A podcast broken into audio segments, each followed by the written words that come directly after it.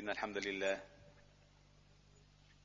نحمده ونستعينه ونستهديه ونستغفره ونعوذ بالله تعالى من شرور أنفسنا وسيئات أعمالنا من يهده الله فهو المهتد ومن يضلل فلن تجد له وليا مرشدا ومن لم يجعل الله له نورا فما له من نور وأشهد أن لا إله إلا الله وحده لا شريك له. وأشهد أن محمدا عبد الله ورسوله وصفيه من خلقه وخليله. بلغ الرسالة وأدى الأمانة ونصح الأمة. وعبد الله حتى أتاه اليقين وجاهد في الله حق جهاده وتركنا على المحجة البيضاء. ليلها كنهارها لا يزيغ عنها إلا كل ضال هالك. صلوات ربنا وتسليماته عليه. وعلى آله الأطهار وصحابته الأخيار ومن تبعهم بإحسان إلى يوم الدين. يقول ربكم جل جلاله يا أيها الذين آمنوا اتقوا الله حق تقاته ولا تموتن إلا وأنتم مسلمون. يا أيها الذين آمنوا اتقوا الله وقولوا قولا سديدا يصلح لكم أعمالكم ويغفر لكم ذنوبكم. ومن يطع الله ورسوله فقد فاز فوزا عظيما.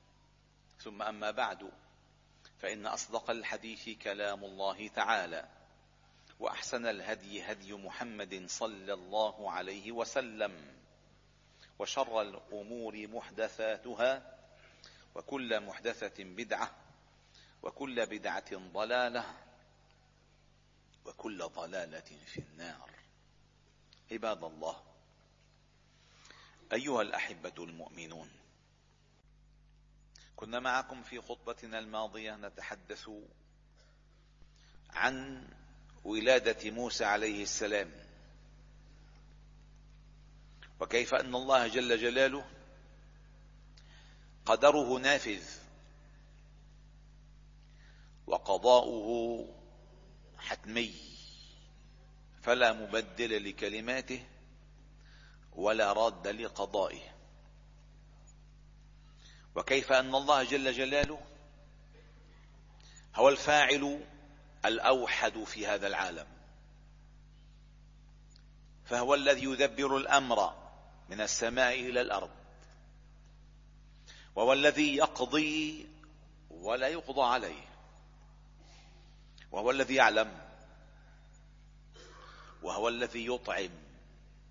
وهو الذي يرفع. وهو الذي يعز.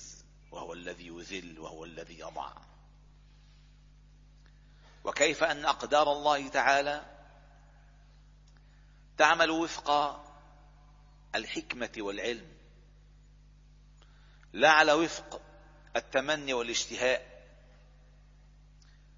فعندما قرر فرعون الأول إجراء الحرب الاستباقية في القضاء على كل الذكور من بني إسرائيل. كي لا يخرج منهم ولد كما رأى في رؤياه تكون نهاية ملكه على يديه فأراد أن يستبق القدر. أراد أن يستبق القدر. وما يعلم أن الله تعالى لا رد لقضائه. ولا مبدل لكلماته. وحكمه نافذ. فأراد أن يذبح الأبناء.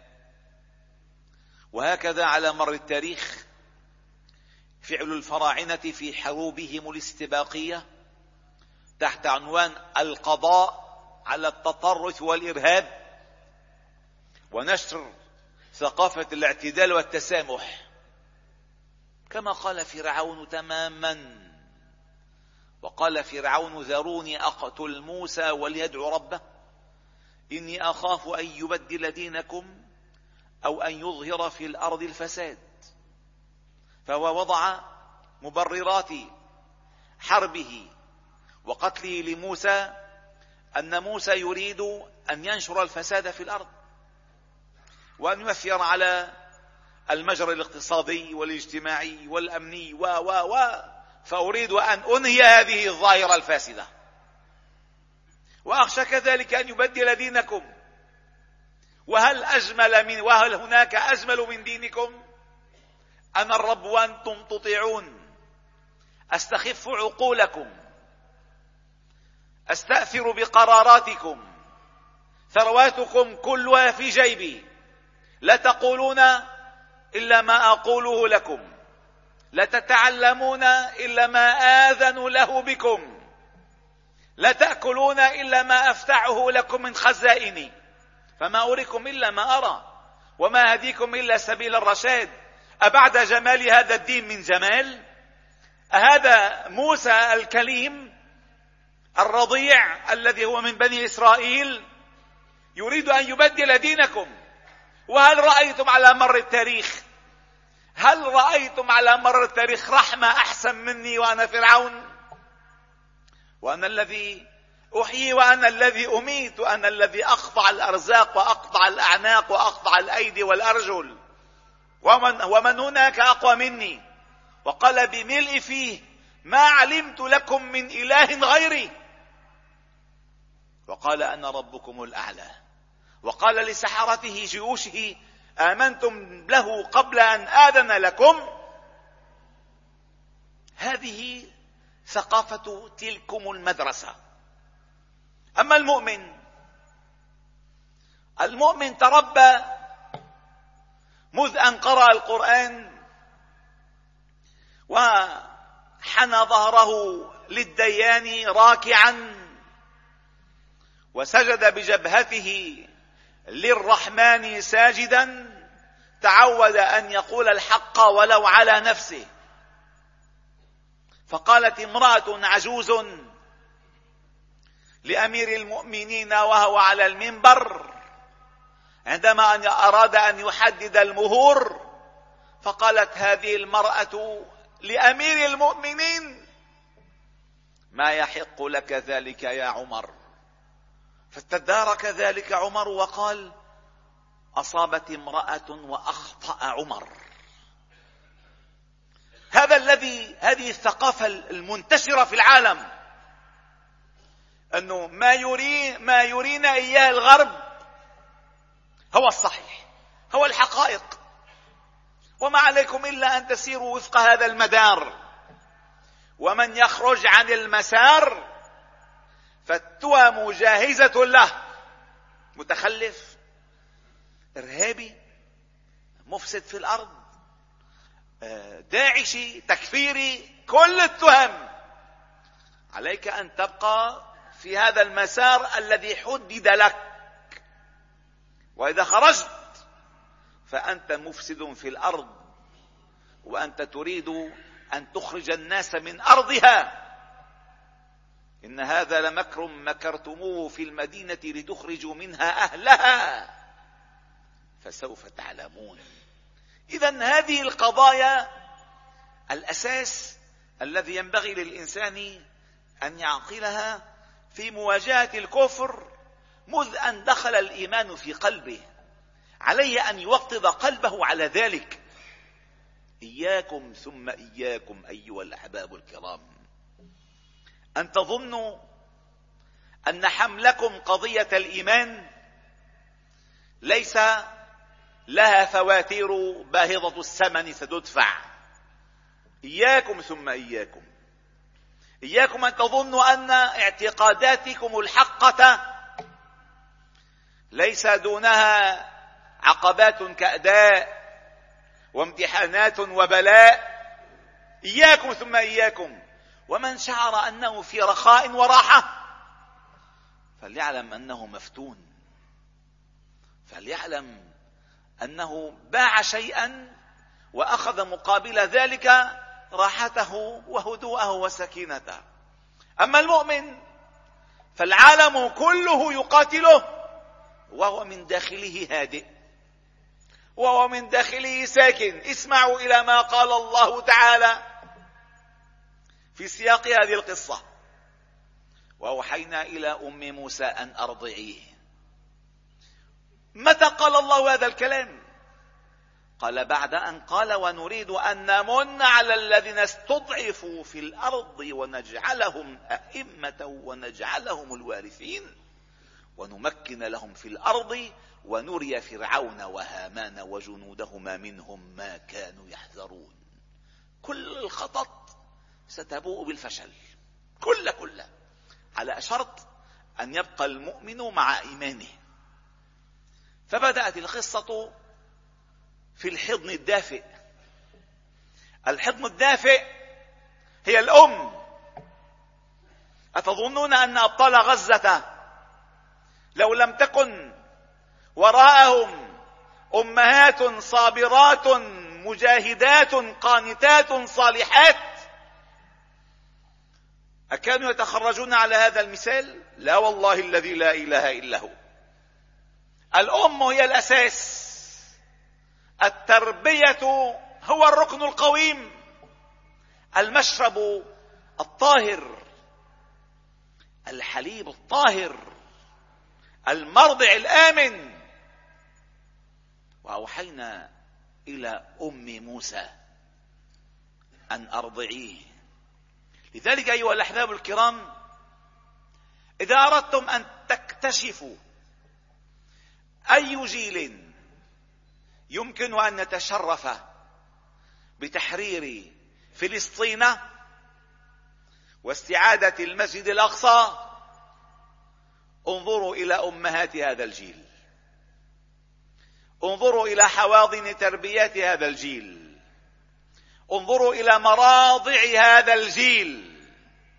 فإذا كانت المراضع في المقاهي وإذا كانت الأمات في الصبحيات وإذا كانت الأسر في الموضات فالفتح بعيد. أما عندما تعود الأمهات إلى حيث أراد الله لهن أن يكن في بيوتهن يرعين أبناءهن وبناتهن يرضعنهن القرآن والسنة كما يرضعهن الحليب واللبن. عند ذلك أبشروا فالنصر قاب قوسين أو أدنى. فالله أوحى إلى موسى إلى أم موسى كما أوحى إلى موسى. وقال وأوحينا إلى أم موسى أن أرضعيه. فإذا خفت عليه فألقيه في اليم. ولا تخافي ولا تحزني. كانت عسائس أي المخابرات عسائس جمع عسعس عسس الليل. كانت عسائس القبط من عسكر فرعون ينشرون ويشترون القابلات. القابلات التي يساعدن المرأة على أن تلد. وسميت قابلة لأنها تقابل المرأة من قبلها. فكانوا يراقبن يراقبوا القابلات ويشترونهن. فإذا علموا أن هذه القابلة دخلت بيتا تبعوها فورا وذبحوا الرضيع. فورا. فعندما أتت هذه القابلة لتساعد أم, أم موسى لتساعد أم موسى بولادتها موسى نظرت إلى موسى فألقي حب موسى إليها ودخل حب موسى إلى قلبها فخرجت وقالت ما ولدت ما ولدت ما ولدت ما في شيء ما في شيء أبدا. يأبى الله إلا أن يتم نوره. لذلك الله تعالى قال أرضعيه أرضعيه لن يصلوا إليه. أرضعيه أرضعيه باطمئنان وأمان. فإذا خفت عليه من وقع أقدام الخطى من العساكر فماذا عليك أن تفعلي ألقيه في اليم. لا خبيه في الغرفة ولا خبيه في الصندوق ولا خبيه في المستودع إنما ألقيه في اليم في اليم. وهذا اليم أيها الأحباب هو القدر. هو فعل الله تعالى في البشر. أي اتكلي على الله. أليس الله أمر؟ فالله يحفظ مما يحذر. الله يؤمن يؤمن ممن نخاف. فألقيه في اليم. ألقيه في اليم. شو اليم؟ ما إذا ما حصل على فرعان على الولد بيموت الولد في اليم ولا تخافي. ولا تحزني. لا تخافي عليه غرقا ولا تحزني عليه اعتقالا. خلص هو معنا. لا تخافي ولا تحزني. ما دمنا نحن. أي العزة الإلهية هي التي أمرت أن ألقيه في اليم. فلا تنتظر أي نتائج إطمئن. الله أمر بالجهاد. ما تبحث إذا صار هيك صار هيك. منموت منروح بتدمر البيوت بتدمر المساجد. لا تبحث. ما أمر الله تعالى به والخير كل الخير. المهم أن تكون على المدار الذي أمر الله تعالى به. ولو كنت في تابوت خشبي ملقا في اليم فلا تخف ولا تحزن. كما الله قال لأم موسى والقيه في اليم ولا تخافي ولا تحزني. لماذا قال لا تخافي ولا تحزني؟ لانها أرضعته والأم عندما ترضع وليدها تتعلق به أكثر. لو قال ألقيه منذ أن ولدتيه ما تعلقت بهذا التعلق ولكن بعد أن أرضعته وتذوق طعم حليبها من ثديها قال لها ألقيه في اليم. وقال لها لا تخافي. وقال لها لا تحزني. هذا الكلام مع الأم. الأم التي هي كتلة مشاعر وكتلة عواطف. لك أنت الولد منه ابنك؟ ما لك قلب. زدته على التخت هيك زت على التخت وفرشة. ما لك قلب. كيف قوي قلب أم موسى أن تلقي ابنها رضيعها حبيبها في اليم لأن الله قال ولان الله طمأنها لا تخافي ولا تحزني. وأكد ذلك بقوله إنا رادوه إليك. ليس فقط ردوه إليك كي ترضعيه بل وجاعلوه من المرسلين. هذا الغلام الرضيع الذي يفتش عنه الأقباط وجيش فرعون أخبر الله تعالى لأم موسى مستقبله البعيد. البعيد. لما أوحى الله إلى موسى بعد أربعين سنة. فالله طمأنها بالورقة التاريخية العمرية لموسى وجاعلوه في المستقبل من المرسلين. الله أكبر. أي اطمئنان بعد هذا الاطمئنان إن كان هناك إيمان؟ لا اطمئنان بعد ذلك. النتيجة بعد أن القته في اليم وأذهبت الخوف والحزن من قلبها واطمأنت لقضاء ربها وانتظرت الفرج. انتظرت الفرج لأنها هي التي قالت لأخته قصي. الله وعدنا سيأتينا خبره قريبا. هذا التابوت عندما يسير في اليم في نهر النيل. وتعرفون أن مسير النيل أسرع بكثير من مسير البحر. النيل يسري بسرعة جدا. كم هناك احتمالات إذا كان هناك عشرة آلاف بيت في مصر يومها؟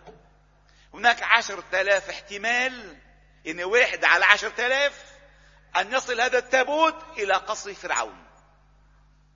كل التسعة آلاف وتسعمية وتسعة وتسعين سقطت وما وصل إلا لمن ألقي في اليم خشية أن يصل إلى فرعون. فوصل التابوت بمن فيه إلى قصر فرعون إلى حيث أمر ساكن القصر أن يفتش عنه ويقتل.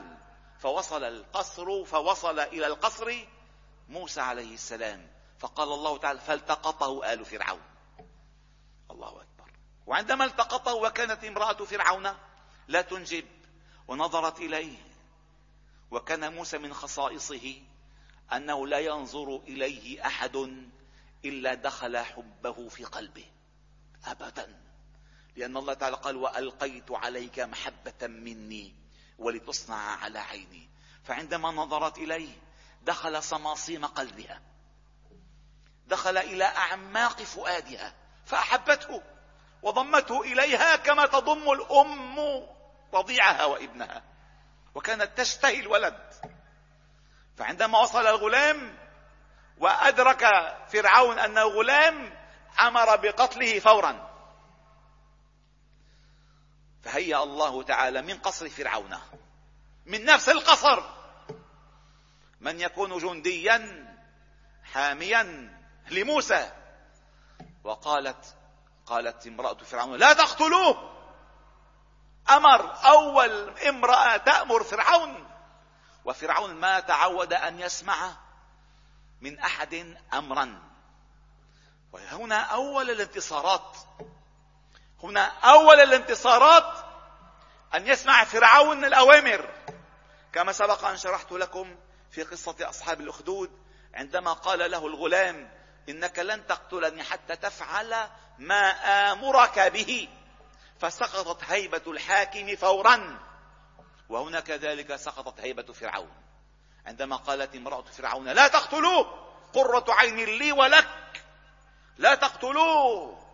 وعندما قالت لك لمزت من قناة انت ما عندك ولاد عسى أن ينفعنا أو نتخذه ولدا وهم لا يشعرون. الله أكبر. هذه القضية والله مهما استرسلنا بها لن ننتهي. ولو أردنا أن نسقطها على واقعنا في فلسطين في الشام في العراق في أفغانستان في الصومال لوجدنا هذا الرضيع ماثلا إلى الآن. ولوجدنا من يهيئ الله تعالى له من يحميه ومن يرضعه ومن يدفع عنه أعداءه إلى يومنا هذا. ولوجدنا أن هذا الرضيع الذي لا يملك دفاعا عن نفسه بل لا يملك أن يجلب غذاء لنفسه الله يهيئ له من أمره مرفقا ومخرجا ورشدا. وهكذا على مر التاريخ ويسقط به هيبة الفراعنة. ماذا يملك؟ مجاهدو فلسطين بالنسبة لكل العالم. من أسلحة وعتاد وحملات طائرات وصواريخ ونووي. ماذا يملكون؟ لا يملكون شيئا. رأيناهم بأم أعيننا يضعون القذيفة بأيديهم على على الدبابة. يمشون شبه حفاة وهم يقاتلون. لا يملكون شيئا. ولكن تكفي تكفي إرادتهم وثقتهم بالله. أنه ناصرهم لأنهم أصحاب حق. هذا يكفي. فإذا نحن استسلمنا لما يلقي إلينا الغرب من مقذوفات إعلامية وتحريفات فكرية أنه إرهاب وتطرف وقتلوا سبعة سبعة تشرين قتلوا الأولاد واغتصبوا النساء. سؤال واحد أيها الأحباب الكرام وأختم به خطبتي حتى لا أطيل لمن أراد أن يلحق الجنازة. لأخوينا أو للأربعة إخوة الذين سقطوا في الجنوب في جراء القغارة الإسرائيلية. أيوة أسأل سؤالا وأترك لكم الجواب.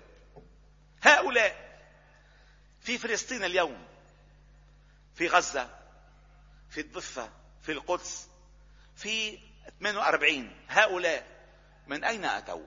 الفلسطينيون من أين أتوا؟ من أي بلاد أتوا؟ متى تاريخ قدومهم إلى هذه البلاد؟ بالمقابل. هؤلاء الذين يقاتلونهم متى أتوا إلى هذا البلاد؟ بأي لغة يتحدثون؟ من أي بلاد أتوا؟ أي جنسية يحملون؟ المخيمات في فلسطين. هذه المخيمات التي تضم الفلسطينيين. بالآلاف. أليست لهم مدن اسمها يافا وحيفا وعسقلان واللد. لماذا هم في المخيمات؟ ولماذا هؤلاء اليهود يبنون المستوطنات؟ ألا يحق لمن يعيش في المخيمات وأرضه أمامه الا يستردها بأي بأي وسيلة كانت؟ يحق. والذي يقول غير ذلك هو ممن تلاعب إعلام فرعون به. ممن قال له فرعون ما أريكم إلا ما أرى. يحق وقلت أول العملية. إخواننا في حماس تأخروا في العملية. ليتهم بدأوا بها باكرا. لأن هؤلاء المستوطنات هي التي تهدد كل الكيان. الحق الذي هو فلسطين. فما دامت هناك مستعمرات استيطانية يعني لا دولتين لا سلام لا س... لا, هد... لا هدنة. إياكم أن تغتروا بالهدنة ما في هدنة. هذه الهدنة الإنسانية والله لا قيمة لها. لأن الله تعالى يقول عنهم كلما عاهدوا عهدا نبذه فريق منهم فبما نقضهم ميثاقهم هم ينقضون المواثيق ينبذون العهود لا عهد لهم ولكن يريدونها حتى يحرروا ما استطاعوا ما استطاعوا من الأسرى ويسكتون جعارات العرب في إدخال بعض بعض المساعدات في الشاحنات. أما هذه الهدنة لا لا هدنة مع اليهود. أيها الأحباب لا هدنة مع اليهود. اليهود قوم غدر قوم بهت قوم كذبه قوم فجر قوم قتل. ولكن ارتأن العالم هكذا انتظروا هذه جبهة الجنوب لم تهدأ ولن تهدأ. وستتفتح جبهات كثيرة. وسترون أن اليهود إنما يريدون التوسع والقتل وتغيير الوقائع وتحريف الكلم وتحريف الحق كما حرفوا الكلم. فاثبتوا أيها الأحباب الكرام على دينكم واستقيموا على طاعة ربكم. واسألوا الله تعالى العون لإخوانكم في فلسطين. أقول ما تسمعون واستغفر الله العظيم لي ولكم فاستغفروا فوز المستغفرين. استغفروا